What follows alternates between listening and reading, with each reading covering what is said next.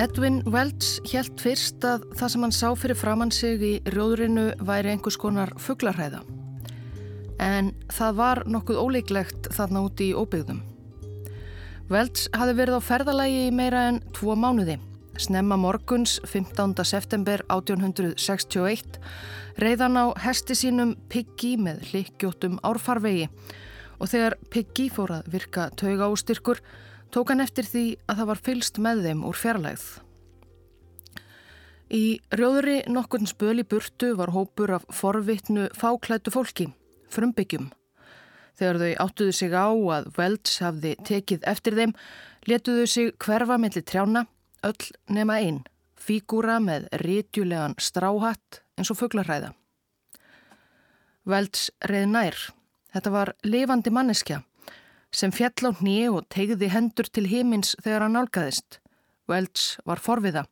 Undan hattinum skein í kvitt andlit.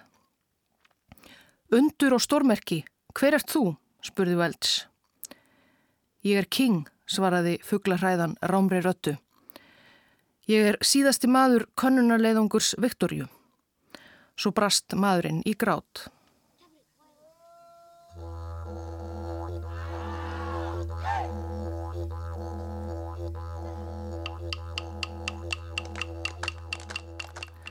Ellefta februar 1861 gáfust landkönnuðurnir tveir, Robert O'Hara Burke og William Wills upp.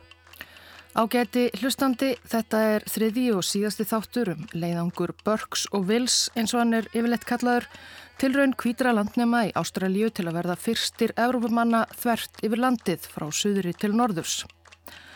Burk, leiðtói leiðangur sinns og næstraðandi hans Wills höfðu þarna ferðast í næri hálft ár síðan í ágúst 1860.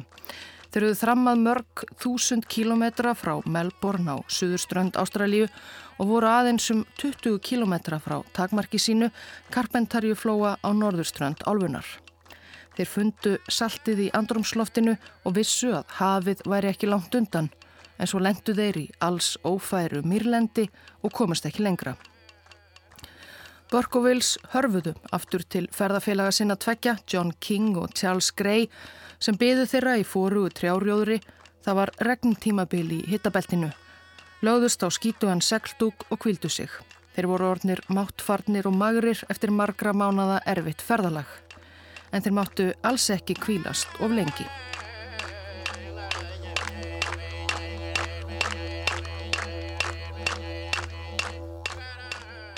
Tólta februar 1861 hafði félagi fjórmenningana í leðjusvaðinu William Brahe setið á samt fjórum öðrum að mestu aðgerðarlaus í tæpa tvo mánuði. Brahe var æðsti maður í tjaldbúðum við Ána Cooper Creek þar sem hluta leðangursmanna var falið að býða á meðan Burke, Wills, King og Gray þutu norður að ströndinni og aftur tilbaka. Mennirnir heldu til í skugganum af stóru tröllatrið við Ána.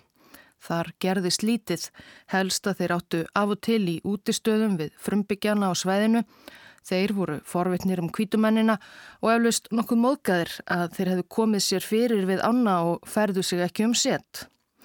Margar frumbyggja þjóðir Ástralju hafa þá reglu í hávegum að ferðalöngum er frjálst að fara um lönd þeirra og njóta gæða þeirra svo lengi sem þeir stoppa ekki lengur en þörf krefur og kvítumennir voru búin að vera um kjurt ansi lengi. Samskiptin voru vinaleg fyrst, svo fóru frumbingjarnir að stela úr búðum leðangursmanna og ógna þeim með spjótum sínum. Blessunarlega kom þó ekki til eiginlegra átaka. Og annars var lítið að gera nema býða. Börk hafði lagt af stað frá Cooper Creek 16. desember 1860 og ætlað sér að vera þrjá mánuði að flóanum og tilbaka, meira en 2000 km leið. Það var Bjart sín ferðaáætlun með við gang leðangursins til þessa en Börk hafði trú. Hann tók vistir sem rétt nægðu fyrir fjóra menn í þrjá mánuði, ekki meir. Og sagði Brahe ennfremur að væru þeir ekki komnir aftur eftir þrjá mánuði hefðu þeir öruglega dáið einhver staðar á leiðinni og hann ætti að pakka saman búðunum við tröllatrið og halda heimálið.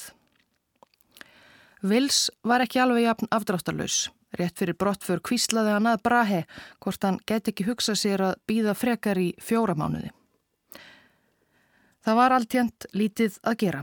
Dag hvern settist Brahe á hestbakk, reyð upp á nálega hæð og skimaði í norður hvort hann sæi börk og félagaði fjarska á leiðinni til þeirra Sigri Rósandi. En aldrei sá hann nokkuð.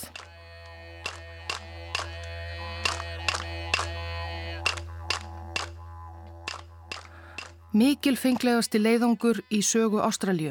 Einhvern veginn þannig hafði Börk orðaða þegar 19 menn, 27 úlvaldar og 23 hestar lögðu á stað frá Melbourne í ágúst 1860.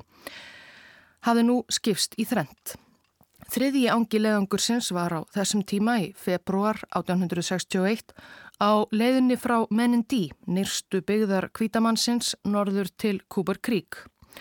Það var fjárbóndin William Wright, jú það heitir annar hver maður í þessari sögu William, sem Burke leittóinn hafi falið að sækja vistir og ferja til Cooper Creek svo mennirnir ættu eitthvað til heimferðarinnar.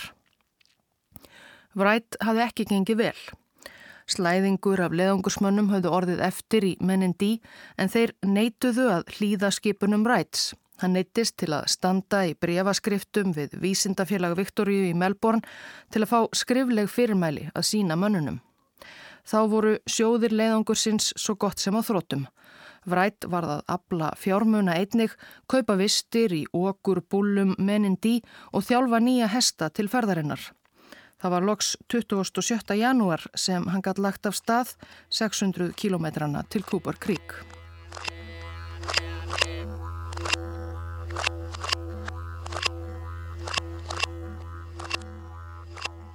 Þegar Burke, Wills, Gray og King lögðu af stað tilbaka voru þeir þegar aðframkomnir af þreitu eftir margra mánada krefjandi ferðalag, heita og langa daga og lélega fæðu, stígvilin þeirra að liðast í sundur. Regntímabilið var hafið af offorsi, það ringdi nær stöðugt. Úr ferðadagbúk William Wills. 20. og 1. februar, millir 4 og 5, brast á með þrjumveðri á nokkurar viðvörunar. Það ringdi sleitu laust í einn og hálfan tíma sem gerði jarðvegin svo vassósa að skeppurnar gáttu varla gengið. Úlvaldarnir komust ekki áfram. 20. og 2. februar. Hryllilegt þrjumuveður í gerkvöldi, mikil regning og vindur. Það var þungbúið í alla nótt og í morgun var andrumsloftið þrúandi og svo mikil leðja að það var nær ófært. 23. februar þrúandi heitt og mollulegt kvöld, svo að þið minnstu áreinslu líður manni eins og maður sé að kapna. Rækin í loftinu veldur mesta þróttleysi sem ég hef upplifað. Leiðin var svo sem nokkuð augljós. Þeir voru bara að rekja eigin fótspor tilbaka. Bara mikið hægar. Á góðum dögum á leiðinni norður höfðu leiðangursmenn farið yfir 20 km á degi hverjum eða meira. Í rykningunni og leðjunni núna komust fjórmenningarnir ekki yfir mikið meira en svona 6-7 km á dag. Hápunturinn á gungudegi hverjum var þegar Börk deildi út matarskamti dagsins. Þeir eruðu sífælt minni því Börk hafði loksins áttað sig á því að hann hafði tekið of litlar vistir þeir áttu einungis um þriðjung eftir. Þeir höfðu verið tvo mánuði á leiðinni út eftir og ekkit útlitt fyrir að þeir kæmust aftur til Cooper Creek á aðeins tæpum mánuði. Ölliti kveiti, smá keks, nokkrar tæjur af skemdu kjöti. Þetta var svona það helsta sem mennirnir fenguð að naga. Ólíkt eðimörkunum sem þeir höfðu farið yfir á leiðinni voru Burke, Wills, Gray og King nú á ferðinni um gróðurselt og lifandi landslag. Kengurur, vambar, emúar og allskins fugglar urðu á vegið þeirra.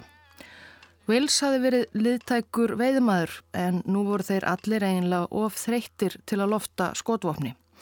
21. februar tókst Wills að skjóta einn fuggl en sá reyndis lítið annað en fjadrir og klær. Börk og menn hans höfðu heldur aldrei sínt neitin áhuga á því að læra nokkuð af því fólki sem lifað hafi góðu lífi í þessu landslægi frá öru og við alda og vissi nákvæmlega hvað var ætt og hvað var ekki. Þeir tristu sér aðeins til að nýta eina plöntu, portulökku sem vex við árbakka víða í Ástralíu og löf hverjar líkjast spínati á bragðið eftir að þau eru svoðin. Portulakkan var fljótt undirstaðan í fæðu þeirra sem betur fyrr því hún er rík af sévitamini og gerði það sennilega verkum að fjórmenningarnir þurftu allavega ekki að glíma við hörgulsjúkdóminn skirbjú ofan á allt annað. Nófa nú samt.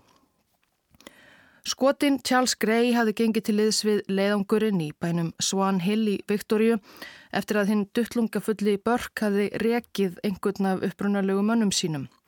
Lítið er vitað um Gray annað en hann flutti til Ástralíu eftir að hafa strókið úr sjómennsku og unnið þar sem námamaður og hestasveit.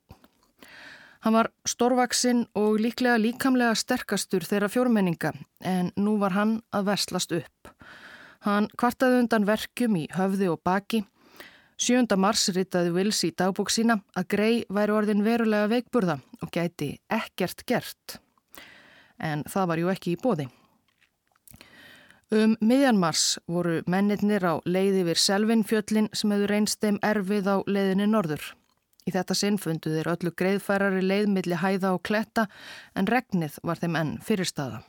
13. mars ringdi í allan dag svo mikið að ég varð að setja stílabókina mín á úrið í pókan til að halda þeim þurrum. Síðdeis ringdi enn meira og lækirnir flættu yfir bakka sína. Við leitum skjóls ofan á grjótnullungum. Þegar kvöldaði hvar vatnið eins fljótt og það hafði flætt yfir en jarvegurinn var mjög leðukendur. Wills skrifaði ekkert sérstakt í dagbúk sína 15. mars en þá voru einmitt þrýr mánuður frá því að þeir lögðu á stað frá Cooper Creek. Nú ættu samkvæmt áætlun William Brahe og félagar þeirra við Cooper Creek að vera að týja sig heimáleið, taka saman þurrtjöld, kjötbyrðir og kveitipoka og halda heim til Melbourne. Börk og félagar áttu enn eftir um 1000 kílometra til þeirra. 21. mars í Rakabúðum Getum ekki haldið áfram yfir fóruan jarðvegin. Það hefur ringt mjög mikið hér í dag og hver dælt í jörðinni er annarkort fulla vatni eða þakin slímur í leðju.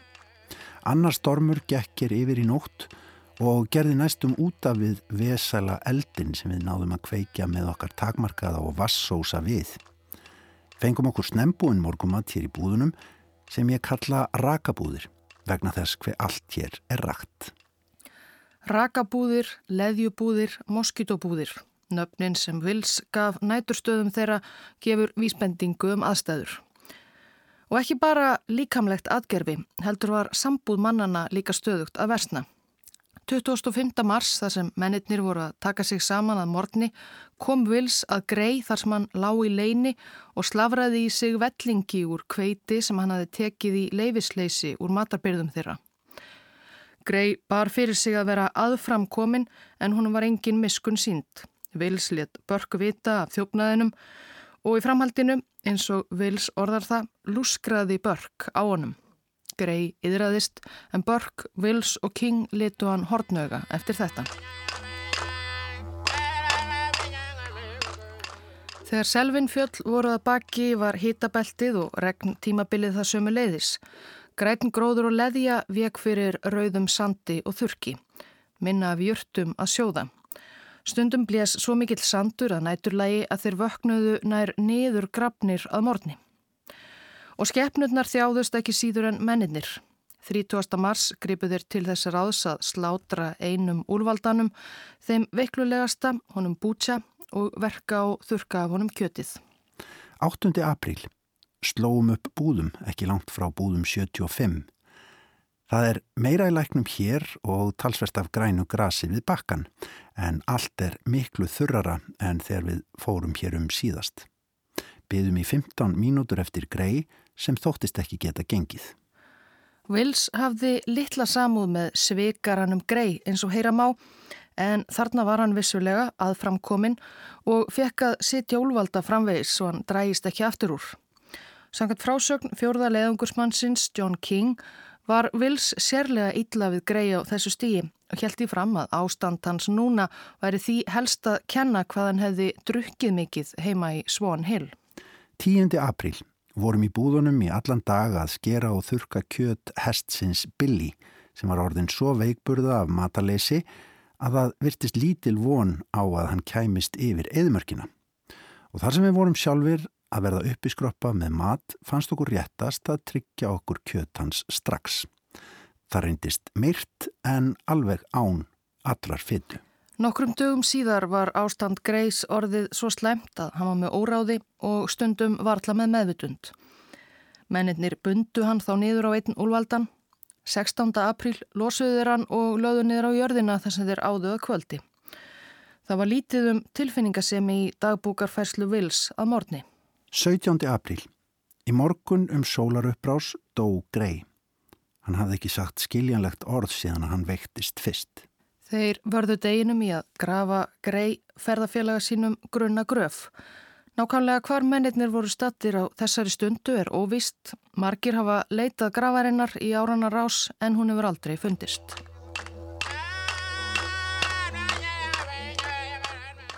Í búðunum undir tröllatrénu við Cooper Creek voru það ekki lengur bara leiðindi sem herjuðu á tjálbúa. Eftir margar vikur af tilbreytingarlittlu og þurru fæði voru Brahe og félagar að verða veiklulegir þeir voru að fá enkenni skirbjús. Eitt manna Brahes, patten að nafni, var mittur á fæti eftir að hafa dottið af hesti og þurfti að komast undir læknisendur. En þeir höfðu ákveðið að býða fjóra mánuði, ekki þrjá. Og enn reið Brahe upp á næstu hæð, dagkvern og skimaði.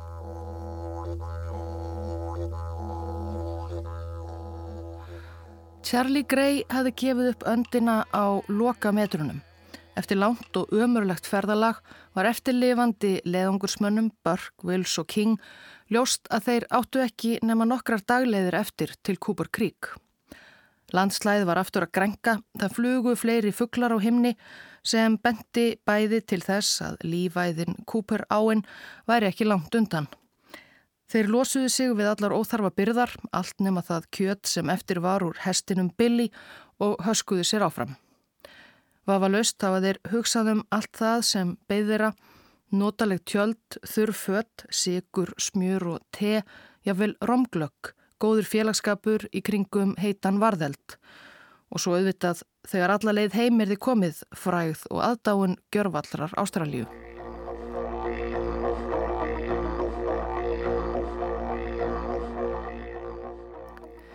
Kvöldið 20. april skiptu mennir þrýr síðustu tæjunum af Billy á millisín sínum síðasta matarbytta. Þeir þekktu landslægið og vissu að þeir voru ekki nema rúma dagleið frá búðunum í Cooper Creek. Þeir myndu hafa þetta af. Dæin eftir völdu þeir tvo sterkustu úlvaldana og ákvaðu að ríða á þeim síðasta spölin skilja hina eftir. Burke á einum, Wills og King saman á hinnum. Börk fór fremstur og hrópaði reglulega upp yfir sig til að vekja aðtikli félaga þeirra við ána. Það var um sólsetur 21. apríl sem þeir komu ríðandi að tjaldbúðunum við tröllatrið á bakka Cooper Creek. Þeir þekktu tríð en sá engin tjöld, engan logandi varðeld og enga gladbeitta landnema. Það var Wills sem kom auga á skilaboð skorin út í börk tröllatriðsins Grafið stóð þar stórum stöfum og dagsetning 21. april 1861.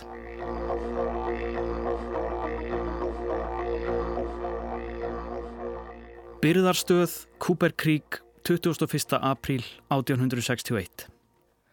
Niðurgrafin rétt við tröllatrið var flaska með eftirfarandi orðsendingu. Byrðarteimi könnunarleðangurs Viktoríu yfirgefur í dag þessar búðir og snýr aftur til Darling árinar. Tveir félaga minna og ég erum við ágæta hilsu. Sá þriðji, Patten, hefur ekki geta gengið undarfarna átjón daga eftir að hafa slasast alvarlega þegar að hestur kasta honum að baki. Engin hefur komið hingað að sunnan. Við erum með sex úlvalda og tólf hesta í ágætu ástandi. William Bræ. Askan í eldstæði búðana var enn heitt. Brahe og félagar höfðu yfirgefið þær sama dag og Burke, Wills og King snýru aftur, bara örfum klukkustundum áður, eftir að hafa beðið þeirra í meira en fjóra mánuði. Brahe var þá orðin vonlaus um að þeir snýru aftur, hafði áhyggjur af heilsu Pattens og annara manna sinna og sinni eigin. Hann var aðeins að íkja þegar hann skrifaði í flöskuskeitið að hann væri við ágæta heilsu, allt bendi til skirbjús. Undir trénu fundu þremenningarnir einnig nokkrar matarbyrðir, nokkur kíló af kveiti, hrísgrón, havra, sigur, þurkað kjött. Þeir hittuðu sér havragraut og Vils skrifaði í dagbók sína komin með örlítið saminskupið. Það er auðvelt að ímynda sér vonbriði okkar að koma að búðunum mannlausum. Örð þreytir eftir fjóra mánuði af erfiðu ferðalagi og skorti fætur okkar nær lamaðir. Slíka þreytu hef ég aldrei áður upplifað og gerir vonandi aldrei aftur. Áreinslan sem þarf til að komast upp örlítið aflýðandi bratta, jável ánbyrða, veldur ólýsanlegum sársöka og hjálparleysi og almennt þróttleysi gerir mann ófæran um allt. Aumingja grei hlýtur að hafa þjáðust mikið þegar við heldum að hann væri að plata. Brahe og félagar voru líklegast bara dagleið á undan þeim en gætu þeir náð þeim í því ástandi sem þeir voru. Mennitin ákváðu að leggjast frekar til kvílu.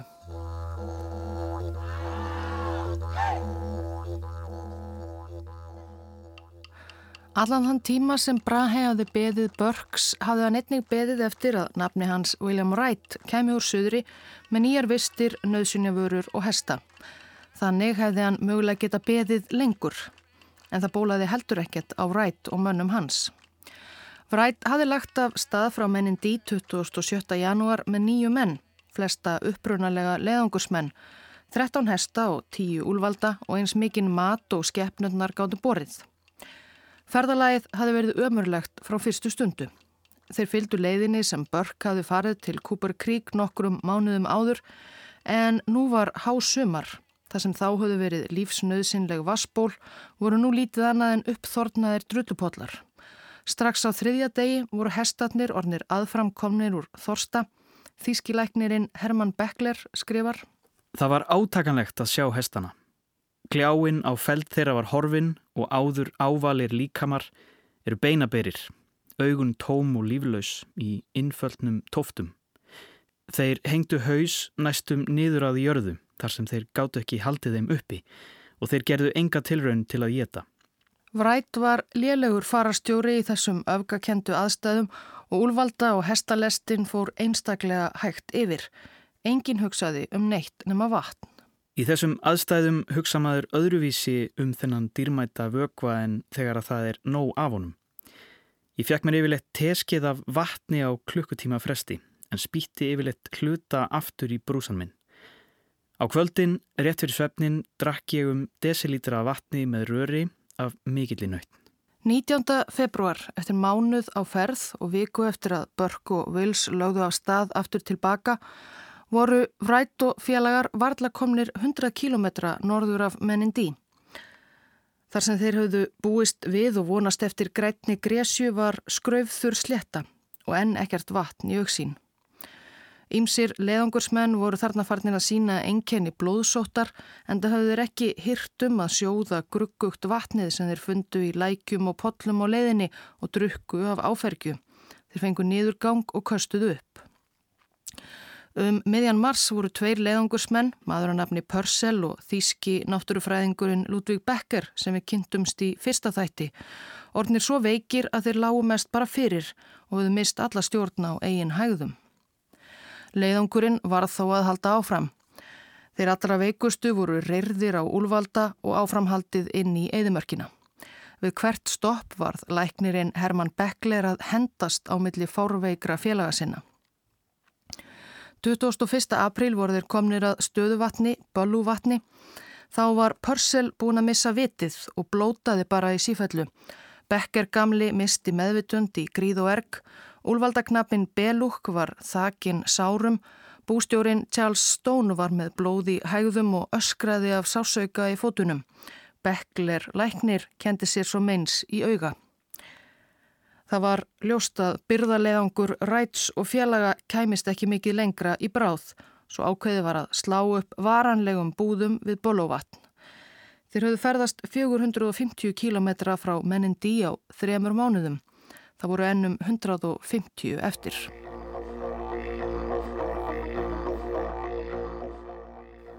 Um leið 150 km norðar voru Burke, Wills og King að ræða næstu skref undir tröllatrénu. Wills og King vildu leggja á stað sem fyrst og þræða þeirra eigin leið aftur til mennin dí.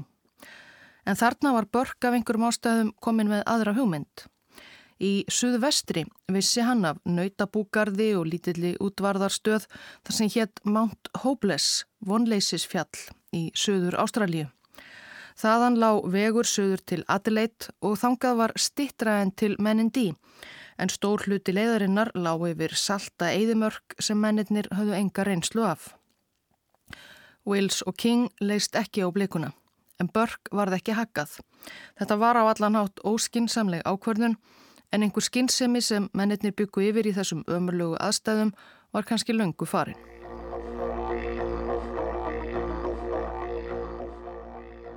Karpentarjuhópurinn, ég, Vils og King, greiðir döður, kom hér í gær og komst að því að byrðateimið hefði lagt af stað sama dag. Úlvaldandin tveir eru aðframkomnir og við getum ekki farið meir en nokkra kílometra á dag. Grei, dóur, þreitu á leiðinni. Við höfum allir þjást mikið, mikil vonbriði að komast að því að teimið hér sé farið. Robert og Hara Börg. P.S. Úlvaldarnir geta ekki gengið og við getum ekki gengið annars myndum við elda hinn flokkin. Við ætlum að feta okkur hægt niður með áni. 23. apríl skildi Börg þessa orðsendingu á samt nákvæmari upplýsingum um fyrirætlanir þeirra um að finna vonleisisfjall eftir í ösku sem hann gróf undir tröllatrénu við Cooper Creek á sama stað og Brahe hafi mert með orðinu grafið á Börgi trésins. Egu ekki að skera nýtt merki í trjábörkin, spurði King yfirmann sinn. Nei, nei, svaraði Börg Orðið grafið þjónar en tilgangi sínum. Svo lögðu þeir af stað í suðvestur og það var ekkert sérstatt sem bendi til þess við tröllatrið ofanjarðar allavega að þeir hefði yfirleitt komið þarna við. Áinn Cooper Creek átti að leiða þá langleiðina að vonleisisfjalli í suðvestri eða það vonuður. En þreimenningarnir hafði ekki ferðast lengi þegar farvegur áreinar fór að greinast í margar kvíslir og Vils sem hafi fyrir löngu skilið mælingatækin sín einhver staðar eftir hafi enga húmynd hvaða kvísl þeir ættu að fylgja. Þeir ráfuðu upp og niður með ánni í villu. Þeir þorðu ekki að fara of langt frá árfarveginum af óta við að verða upp í skroppa með vatn og það var fylst með þeirra hverri reyfingu fólk af jandrúvanda þjóðinni sem býr söður af Cooper Creek. Þeir svörtu, eins og vils kallaði fólkið í dagbúksinni, reyndist hið veinalegasta. Af og til byrtist fólk færandi hendi með fiska og ætar júrtir í skiptum fyrir eitthvað smátót sem kvítumennir voru með á sér. 28. apríl festist annar úlvaldin í pitti, menninni skutu hann og skáru af hræinu það kjött sem þeir komust að Síðasti úlvaldi þremenningana, Raja, gafst svo upp rúmri viku síðar og hlaut sömu örlög og hverki bólaði á fjallinu.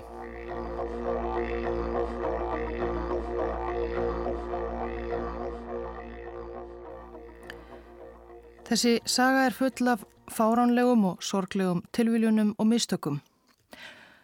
William Brahe og menn hans á heimleið frá Cooper Creek gengu fram á tjaldbúðir Wright og félaga við Bölluvatn í Eidimörkinni 29. apríl. Það var umurleg aðkoma, allir meira eða minna fár veikir. Charles Stone hafi dáið um viku fyrr og síðan Purcell hinn vittstóla. Vesalings náttúrufræðingurinn Ludvig Becker lág rænulegs í eigin skít í tjaldi sínu og lést bara nokkrum klukkustundum eftir að Brahe parað gardi og frumbyggjarnir á svæðinu höfðu fyrir nokkru farið að haga sér á ógnandi hátt vildu kvítumennina burt. Loks höfðu kvítumennir skotið einn af leðtóum frumbyggja og þeir síðar nefndu hörfað. Brahe og Wright vildu skynjanlega báður pakka saman og halda heimáleið þið fyrsta áður en fleiri menn yrðu eðimörkinni að bráð. Burke, Wills og þeir voru öruglega döðir. En rétt til öryggis ákváðu Brahe og Rætt fyrst að ríða saman upp að Cooper Creek búðunum í hinsta sinn til að sjá hvort Börg hefði nokkuð snúið þangað aftur. Það var ólíklegt en hvað ef? 8. mæ voru þeir komnir aftur að tröllatrénu við árbakkan. Þeir skimiðu í kring en sáu ekkert sem bendi til þess að þarna hefði nokkur komið síðan síðast. Á trjábólnum voru enn bara sömu skilabóð, grafið sem Brahe hafði skilið eftir. Það var ekkert sem bendi til að undir trénu væru ný skilabóð, þau sem Börk hafði skilið eftir rúmum tveimur vikum fyrr, um fyrirætlanir sínar að fara niður með áni að vonleisisfjalli. Brahe og Vrætt snýru tilbaka eftir um 15 mínútna stopp, alls óvitandi um að ferðafélagar þeirra voru að berjast fyrir lífi sínu ekki nema í um 30-40 km fjarlagð.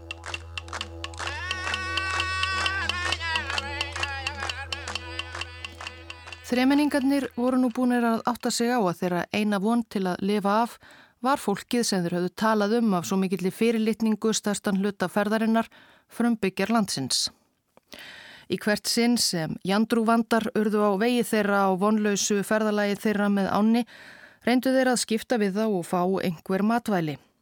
Þeir fyldust líka með þeim útbúa ímislegt matarkins svo sem eins konar kökur úr kveiti sem þeir útbyggur fræjum plöntun okkurar sem líkist fjöguralaufa smára og finna má víða í áströlsku landslægi. Kökurnar, nardu á máli innfætra, voru beskar og þungar í maga en allt er hegi í harðindum. Um miðjan mæ, eftir að þremenningarnir komist að því hvernig tína eitt í nardu og verka, fór líf þeirra meira á minna að snúast um bara það. Úlvaldakjötið var á þrótum og vinalegir frumbyggjar með faðma fulla fiski sáust nú sjaldan. Nardu vinslan að týna fræin, mala þau og blanda í deig tók svo langan tíma og mikla orku að það var útsið um að þeir ferðuðust mikið meira. Það var borin von að komast að vonleisisfjalli. Í mælokk stölaðist Vils einn aftur tilbaka að trénu við Cooper Creek. Þar var auðvitað ekkert sem bendi til þess að Brahe og Vrætt hefðu komið þar í annað sinn. Hann gróf dagbækur sínar undir trénu og let fylgja með enneina orðsendinguna um afdrif þeirra.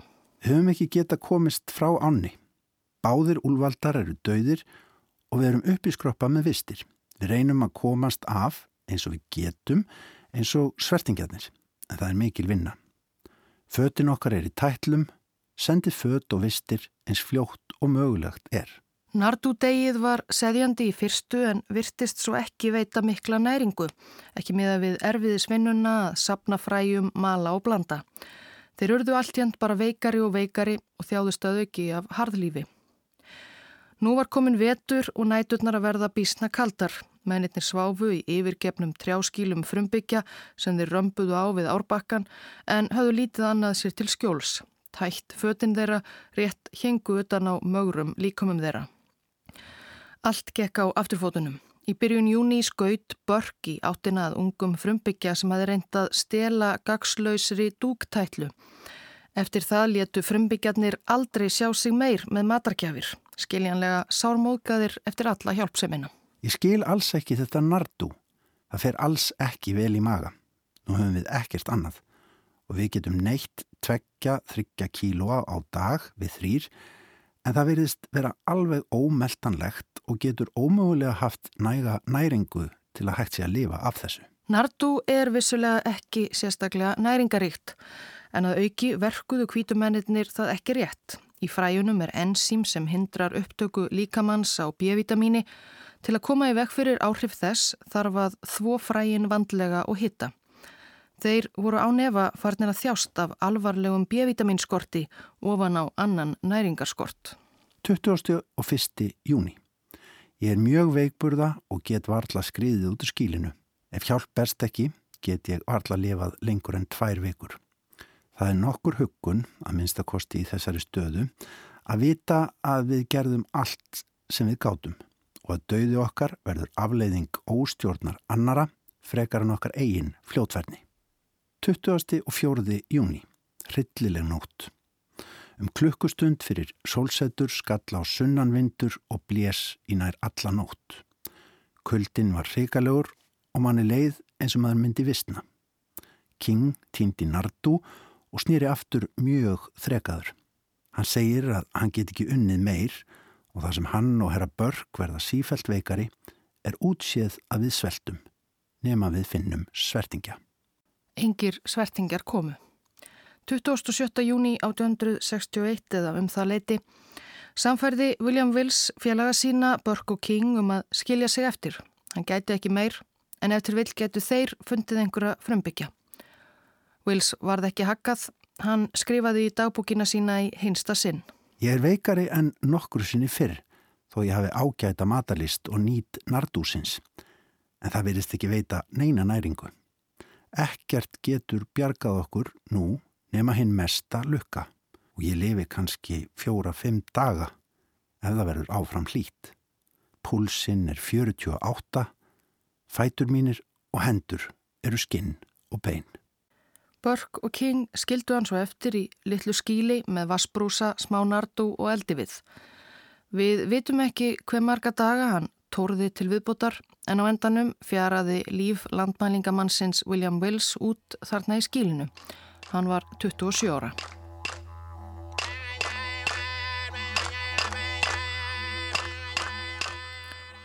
Burke og King stöluðust áfram með ánni en með veika vonum vonleisisfjall eða vinalega svertingja en þeir voru ekki mikið sterkari. Að kvöldi sama dags og þeir kvöldu vils áðu þeir undir tröllatri Burke var orðin örmagna. Hann skrifaði bref til sýstur sinnar og rétti svo King á samt vasaúrinu sínum sem hann hafi passað upp á allan þennan tíma. Ég vona að þú verðir með mér þar til ég er alveg döður, saði hann við King. Það er huggun að vita að einhver sé nærri. Svo baði hann King um að grafa sig ekki að honum látnum, skilja sig bara eftir. Robert O'Hara Burke sagði ekki meir, hann lést um áttaleitið um morgunin, King dvaldi hjá líkinu í nokkra klukkustundir og grétt.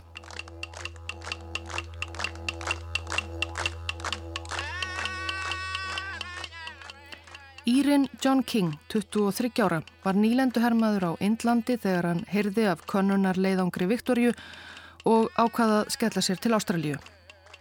Nú var hann síðasti maður leiðangursins, aðlitn í eðimörkinni, ótal kílometra frá nokkuri evróskri byggð en hann var alls ekki viðs fjari allri síðmenningu. Eftir nokkra daga á rángli með ánni gekk hann fram á tjaldbúðir Jandrúvanda ættbálks. Það hafði gengið á ymsu í sambúð innfætra og kvítumannana en nú tóku innfættir hinnum aðframkomna King ágætlega. Hann fekk alltjent að fylgja þeim.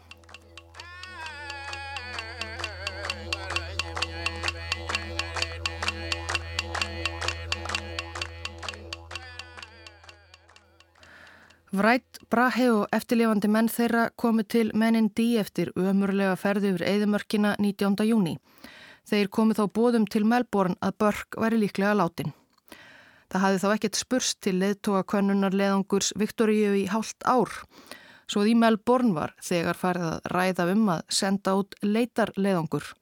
Það tók þó tíman sinn að skipuleggja en vísindafélag Viktoríu var alltjent búið að stopna nefnd um málið. Leðangur laði loks af stað 27. júni. Það voru liðsmenn þess sem föndurloks ummerki um að Burke, Wills og King hefðu komist alla leið aftur í Cooper Creek og fundu ummerki um ferðir þeirra til suðvesturs í átt að vonleisisfjalli.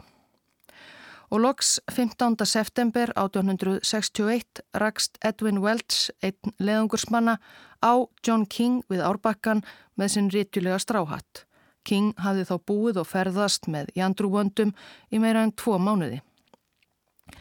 Hann var fluttur heim til Melbourne þar sem honum var tekið með kostum og kynjum enda svo að segja fyrsti maðurinn til að þvera Ástralju og lifa heimferðina. Hann náði sér þó aldrei fyllilega af áhrifum ferðalagsins, var heilsuleus og lést rúmum áratug síðar 1872 aðeins 33 ára. Dánarstaðir Burke og Wills fundust í sama leiðangri og King og voru líkamsleifar þeirra fluttar til Melbourne með mikilli viðþöfn og kvíla nú í aðal kirkjugarði borgarinnar. Robert og Hara Burke hefur lengsta verið hildur sem þjóðhetja í Ástralju þó svo að síðari tíma greining á leiðangri hans hafi leitt í ljós að hann var kannski ekki besti maðurinn til að taka þetta krefjandi verkefni að sér. En það var svo sem ímislegt sem hefði mátt betur fara. Keppinauti hans, John McDougall Stewart, tókst eftir margar tilraunir að leiða ferðafélaga sína söður frá Adelaide alla leið norður til Hafs í Van Diemenflóa í júli 1862. Þeir komust klakklust heim.